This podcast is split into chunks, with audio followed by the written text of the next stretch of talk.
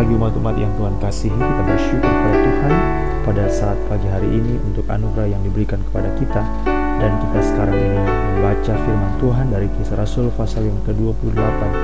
Kisah Rasul pasal yang ke-28 kita akan mulai membaca pada ayat yang pertama sampai ayat yang ke-10 kisah Rasul pasal yang ke-28 ayat 1 sampai yang ke-10 dan kita akan membaca bagian ini.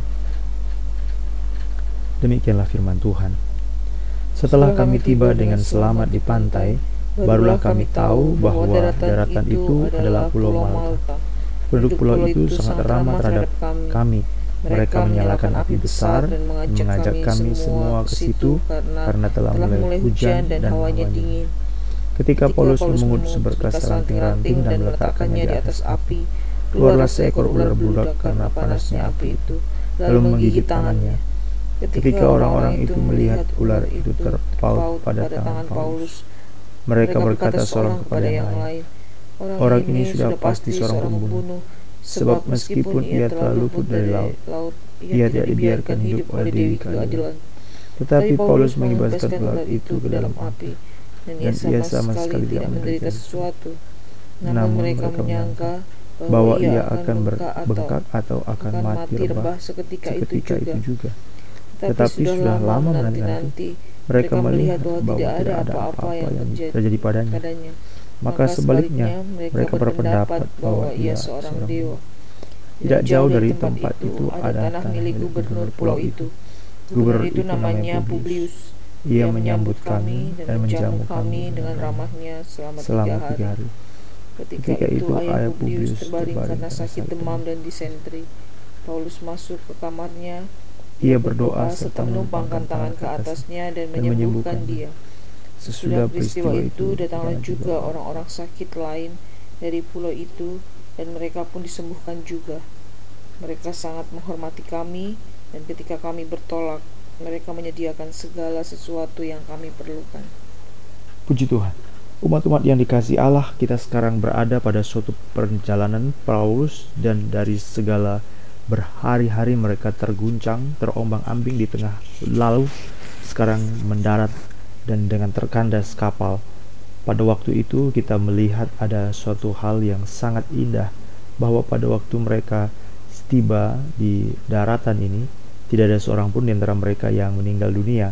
Semuanya sejumlah 300 hampir 300 orang itu semuanya dapat dengan selamat dan memang ini merupakan suatu bukti pemeliharaan Allah yang ajaib tidak akan mungkin sebenarnya mereka bisa selamat karena pada waktu kita mengikuti cerita dari kisah Rasul pasal yang ke-27 ini merupakan suatu perjalanan yang sangat berbahaya dan tidak mungkin karena pada waktu mereka memberanikan atau memaksakan untuk berlayar pada musim dingin seharusnya mereka mati. Ya betul demikian. Sedangkan Paulus sendiri mengatakan kepada kepala perwira dia berkata apabila orang-orang tidak tetap tinggal di kapal ini mereka akan mati karena mereka berbuat seolah-olah mereka menurunkan skoci dan ingin berlayar, ingin memisahkan diri keluar dari kapal. Tapi Paulus katakan kalimat demikian karena memang betul-betul tidak mungkin bisa selamat. Tetapi oleh kemurahan Tuhan, kapal itu menjadi terkandas. Kapal tersebut pecah dan pecahan-pecahan itu pun dipakai untuk bisa ber, ber, bernahan diri dan berenang bagi orang yang tidak tahu menjadi pegangan sampai mereka akan diselamatkan. Dan inilah cara Tuhan yang ajaib karena perjalanan ini adalah perjalanan yang memang diatur sedemikian rupa dalam tangan kedaulatan Tuhan. Yang kedua, bukan saja ini menarik karena mereka bisa berhasil hidup, tetapi perjalanan ini adalah perjalanan kesaksian. Saudara-saudara di tempat kapal pertama-tama Paulus sama sekali tidak dengarkan, sama sekali tidak dengarkan. Bahkan sebenarnya kehancuran atau kerusakan yang terjadi itu adalah karena memang mereka tidak mendengarkan apa yang dinasihatkan Paulus.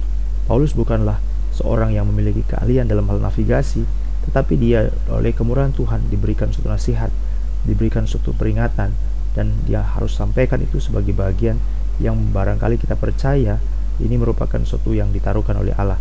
Nah, apa yang bisa kita pelajari? Seringkali kita hanya melihat orang itu berdasarkan keahliannya ya, berdasarkan kemampuannya ya. Padahal Alkitab mengatakan dalam pekerjaan Allah, ini pengaturan-pengaturan Allah itu sempurna, saudara-saudara.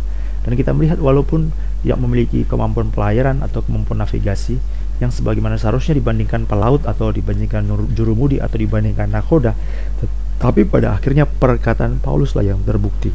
Perkataan Paulus lah yang terbukti. Nah, dalam hal iman, mari kita lihat kita tidak memerlukan atau tidak melihat orang itu berdasarkan sesuatu kapasitas atau kemampuan dia, tetapi penyerahan hidup di hadapan Allah itulah yang paling utama. Sekali lagi, bukan karena kapasitas atau kemampuan atau skill atau talenta atau yang dimiliki apa pun oleh seseorang. Dalam memperkembangkan pekerjaan Allah, patokannya bukan di sana. Tetapi bagaimana seseorang itu boleh betul-betul peka pada pimpinan roh Tuhan. Betul-betul mau tunduk pada firman Allah. Nah ini yang kita pelajari lagi saudara-saudara jadi kalau dibandingkan ilmu siapa yang lebih pas, ilmu siapa yang lebih cocok, ilmu siapa yang lebih banyak, ilmu dalam pengertian pelayarannya, Nakoda punya ilmu atau Paulus punya ilmu. Tentu saja Nakoda tidak terbantahkan, tetapi dalam perkataan-perkataan yang disusun pasal 27, Paulus mengatakan, seandainya kata-kataku nasihat itu didengarkan. Ya berarti jelas sekali, Paulus punya pembicaraan nasihat itu yang sebenarnya mendrive, itu yang sebenarnya harus disampaikan. Nah, oleh sebab itu dari segala macam cerita, dari segala macam keadaan, akhirnya mereka puji Tuhan sampai di Pulau Malta. Nah, kembali lagi dalam perjalanan ini, ini adalah satu kesaksian, perjalanan kesaksian. Betapa ajaib apa yang dikatakan oleh Tuhan dalam kisah 23:11. Demikian juga hal yang sama yang disampaikan oleh malaikat Allah dalam pasal 27 bahwa engkau akan berhadapan dengan kaisar dan engkau akan bersaksi di hadapannya. Dan ini perjalanan kesaksian. Itu sebabnya waktu mereka pun sampai terdampar di satu pulau yang terakhir mereka ketahui namanya Pulau Malta. Ini pun adalah kesaksian. Ya, ini pun kesaksian. Setelah mereka tiba dengan selamat di pantai, baru tiba mereka tahu bahwa daratan itu adalah Pulau Malta. Penduduk pulau itu sangat ramah terhadap kami, walaupun mereka itu sebagian adalah tahanan-tahanan. Sangat ramah. Mereka menyalakan api besar, dan mengajak kami semua ke situ karena telah mulai hujan dan hawa dingin. Indah sekali. Ketika Paulus memungut seberkas ranting-ranting dan meletakkannya di atas api, keluarlah seekor budak karena panasnya api itu, lalu menggigit tangannya. Wah, ini sesuatu hal yang sangat cepat sekali kalau terjadi, saudara-saudara, di mana seekor ular e, beludak, ya, itu menyambar dan dengan cepat itu menggigit tangan Paulus. Ini suatu hal yang mematikan, tentu mematikan. Sangat tidak mungkin juga orang bisa hidup. Orang-orang juga sampai memiliki sesuatu pemikiran. Orang ini pasti orang sangat jahat sekali karena sudah lolos dari Dewi Laut. Eh, masih bisa hidup. Tapi betapa sialnya dia karena dia tidak bisa menjaga, tidak bisa menguasai, tetapi justru dikuasai dan dia dikalahkan. Ya, dia dipagut oleh ular Orang mungkin berpikir sebentar lagi orang ini pasti akan mati. Tetapi apa yang terjadi? Tidak, tidak. Paulus mengibaskan ular itu ke dalam api dan sama sekali ia tidak menderita sesuatu.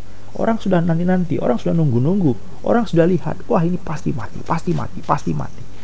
Nah, maka kita bisa melihat lagi, ini semua bagian yang diatur oleh Allah, potongan demi potongan untuk menunjukkan bukan hidupmu, bukan dirimu, bukan engkau yang akan nampak, bukan engkau yang tampil, tapi Kristus yang akan tampil.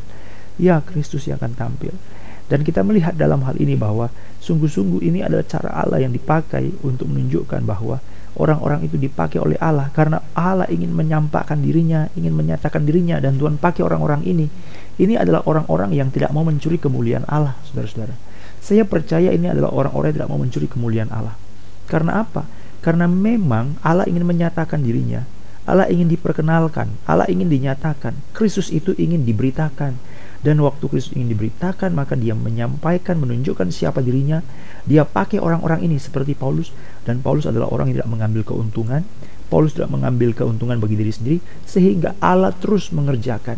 Jadi begini saudara, kalau saudara punya uang, lalu uang itu saudara ingin tunjukkan kepada orang, ingin nyatakan kepada orang bahwa yang punya uang itu saudara, yang punya kekayaan itu saudara, maka saudara akan pakai seseorang untuk menunjukkan kepada orang lain bahwa saudara lah yang punya uang itu.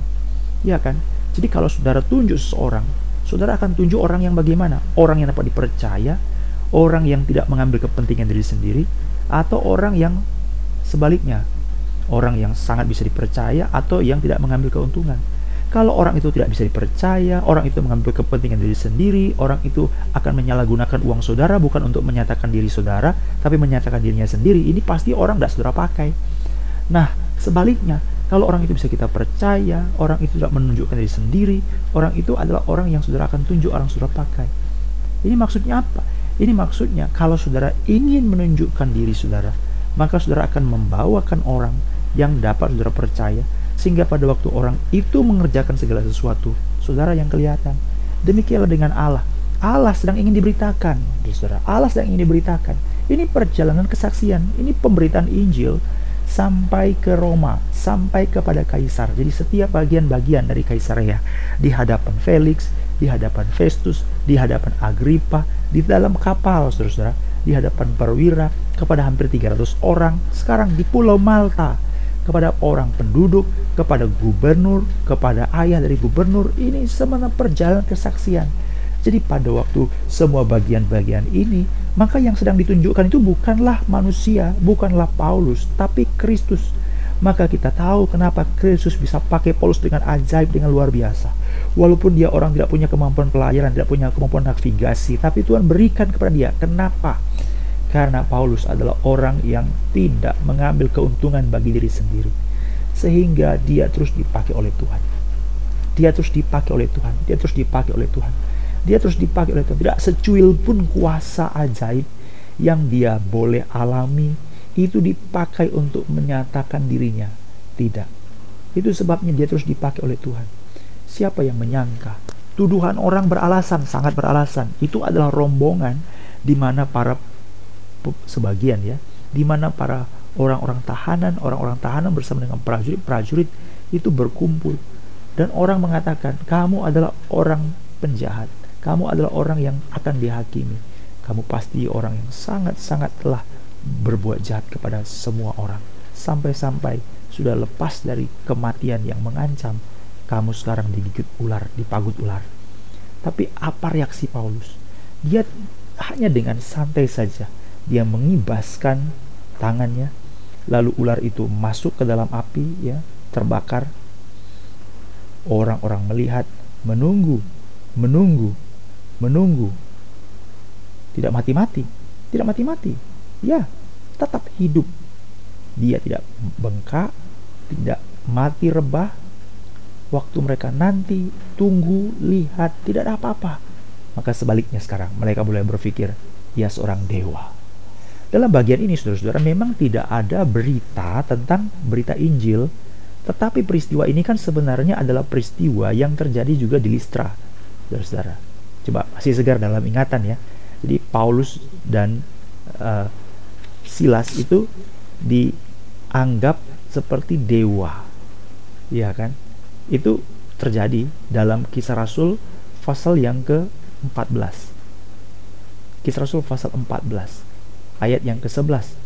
Ketika orang banyak melihat apa yang telah diperbuat Paulus, orang-orang berseru dalam bahasa Likaonia dewa-dewa telah turun ke tengah-tengah kita dalam rupa manusia.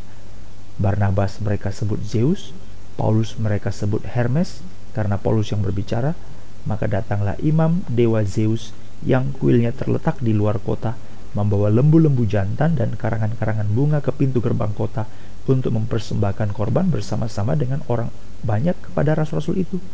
Mendengar itu, Paulus dan Barnabas mengoyakkan pakaian mereka, lalu terjun ke tengah-tengah orang banyak itu sambil berseru, Hai kamu sekalian, mengapa kamu berbuat demikian?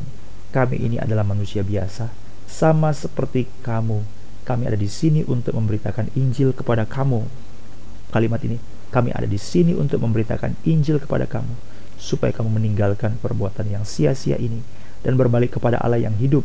Ayat 15, pasal yang ke-14, yang telah dijadikan, yang telah menjadikan langit dan bumi dan laut dan segala isinya.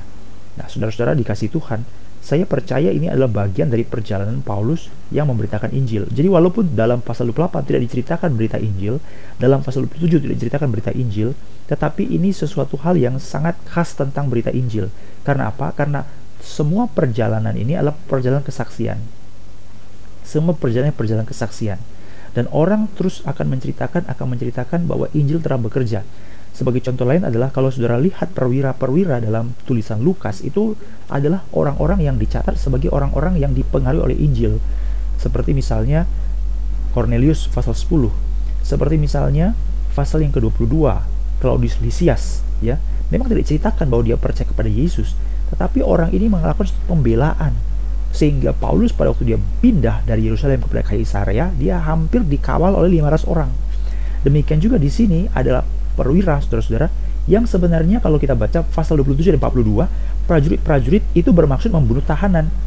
Tetapi perwira itu ingin menyelamatkan Paulus. Karena itu ia menggagalkan maksud rencana prajurit-prajurit supaya tidak membunuh, mengurungkan niatnya membunuh para tahanan. Jadi dalam hal ini, kenapa ada satu peristiwa yang tidak tertulis dengan jelas, tapi kita tahu itu tertulis, itu sesuatu hal yang terjadi untuk menunjukkan bahwa ada berita Injil di sana. Seperti misalnya Paulus juga mengucapkan suatu mengambil roti, mengucap syukur di hadapan mereka, lalu kuatlah hati mereka semuanya. Nah, ini adalah suatu hal yang tersamar, tapi saya percaya di sana ada pemberitaan Injil. Walaupun tidak semua orang juga mengambil keputusan untuk percaya, barangkali seperti itu bisa boleh kita katakan, tetapi Paulus telah melanjalankan tugasnya berita Injil. Barangkali dimulai dengan kelompok kecil dalam kapal itu, pasal 27 nih saudara, kawan-kawannya, karena ada istilah kami, kami, kami, berarti penulis daripada uh, surat ini Lukas juga sudah ikut menceritakan, menyaksikan bersama dengan Paulus dan orang-orang, lalu mereka mulai memberitakan Injil. Demikian juga pada waktu Paulus dianggap sebagai dewa, itu bukan berita yang kosong dibiarkan, tidak. Karena kalau kita baca, tiga bulan lamanya mereka ada di pulau ini Coba kita baca dalam pasal 28 ayat 11. Tiga bulan kemudian kami berangkat dari situ, naik ke sebuah kapal dari Alexandria. Jadi mereka tiga bulan di pulau ini.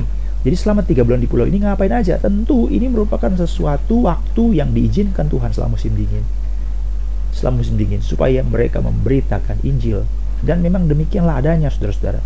Dan kalau kita baca, yang pertama tadi, mereka selamat. Yang kedua, Paulus tidak mati justru dianggap sebagai dewa. Yang ketiga, Ayat yang ketujuh, tidak jauh dari tempat itu ada tanah milik gubernur pulau. Gubernur itu namanya Publius. Ia menyambut kami dan menjamu kami dengan ramah selama tiga hari. Ketika itu, ayah Publius terbaring karena sakit demam dan disentri. Paulus masuk kamarnya, ia berdoa serta menumpangkan tangan ke atasnya dan menyembuhkan dia. Jadi ini juga berita Injil karena ini merecall, mengingatkan kita kembali kepada apa yang terjadi dengan Sergius Paulus yang ada suatu berita yang pertama-tama pada waktu Paulus mengganti atau diganti namanya ya. Itu pertama-tama menjadi Paulus bukan Saulus. Ada seorang yang bernama Elimas masih ingat ya dalam kisah Rasul pasal 13 jadi pasal 14 tentang dewa. Pasal 13 itu adalah satu mereka ada di satu pulau ada gubernur yang bernama Sergius Paulus yaitu Pulau Pafos saudara-saudara pasal 13 Nah, di sini apa cerita terjadi? Ini adalah sesuatu yang terjadi di mana gubernur itu memanggil Barnabas dan Saulus karena ia ingin mendengar firman Allah. Jadi ini adalah suatu peristiwa yang diulang untuk menunjukkan bahwa betapa Injil diberitakan. Memang tidak jelas sekali terus Injil diberitakan, tetapi kita tahu Injil diberitakan di sana. Dan ayahnya mendengar Injil, didoakan, pasal yang ke-28 ayat 9 bukan saja bukan saja gubernur dan ayah gubernur itu tetapi datanglah juga orang-orang sakit dari pulau itu dan mereka pun disembuhkan juga. Jadi kalau kita baca pasal 28 ayat 9 maka kita temukan juga ada peristiwa saudara-saudara di mana orang-orang banyak orang-orang banyak untuk datang. Ini kan tulisannya Lukas ya. Kisah Rasul pasal 19 di Efesus oleh Paulus Allah mengadakan mujizat-mujizat yang luar biasa. Bahkan orang membawa sapu tangan atau kain yang pernah dipakai oleh Paulus dan meletakkannya atas orang-orang sakit. Maka lenyaplah penyakit-penyakit mereka dan keluarlah roh-roh jahat. Ini Paulus. Hal yang dilakukan dua tahun sehingga semua penduduk Asia mendengar firman Tuhan, baik orang Yahudi maupun orang Yunani di Efesus ini saudara-saudara. Dan oleh Paulus Allah mengalahkan mujizat-mujizat yang luar biasa Bahkan orang membawa sapu tangan atau kain yang pernah dipakai oleh Paulus dan meletakkannya atas orang-orang sakit, maka lenyaplah penyakit mereka dan keluarlah roh-roh jahat. Jadi ada satu parade di mana orang-orang mulai banyak. Jadi ini adalah bagian-bagian yang diulang. Penulisnya kan sama ini, peristiwa yang sama. Jadi peristiwa di Listra diulang lagi, peristiwa di Pafos diulang lagi di Pulau Malta tentang gubernur ya. Peristiwa di Efesus diulang lagi karena ada begitu banyak orang-orang sakit boleh berdatangan dan disembuhkan dan mereka sangat menghormati kami.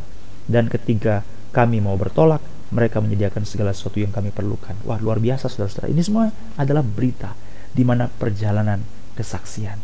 Jadi bersyukur kepada Tuhan tidak ada satu peristiwa pun. Kadang-kadang peristiwa itu kita lihat peristiwa malapetaka, kadang-kadang peristiwa itu kita lihat peristiwa bencana, tapi kedaulatan Allah sedang terjadi di balik semua itu. Maka Tuhan sedang menyatakan rencananya. Jadi saudara-saudara janganlah mengharapkan, memaksakan, meminta sesuatu secara berlebihan. Kita boleh berdoa, Tuhan aku harap bisa seperti ini. Tetapi kalau peristiwa yang seperti itu tidak terjadi, jangan langsung mengatakan putus asalah, putus haraplah tidak di balik segala sesuatu Tuhan punya rencana indah. Menurut manusia itu jalan mundur, menurut manusia jalan memutar, tapi menurut Allah itu adalah jalan yang terbaik untuk mendidik supaya kita makin mengenal Tuhan. Orang Israel jalan memutar selama 40 tahun, tapi dalam pandangan Allah itu adalah melatih mereka untuk mengenal Tuhan. Sehingga umat Israel yang lahir di padang gurun lebih baik daripada umat Israel yang datang dari Mesir. Lebih baik. Sehingga pada waktu Yosua memimpin masuk tanah perjanjian, mereka menjadi orang yang taat, tidak pernah mempertanyakan dengan sungut-sungut segala peraturan dan perintah-perintah Tuhan. Kita tidak tahu bagaimana Tuhan membentuk kita. Kita orang keras kepala, kita orang jahat, kita orang berdosa, kita orang yang selayaknya diganjar dengan hukuman mati.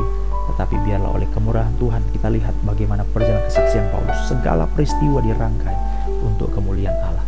Biarlah kita bersyukur dan menyerahkan hidup hanya ke dalam.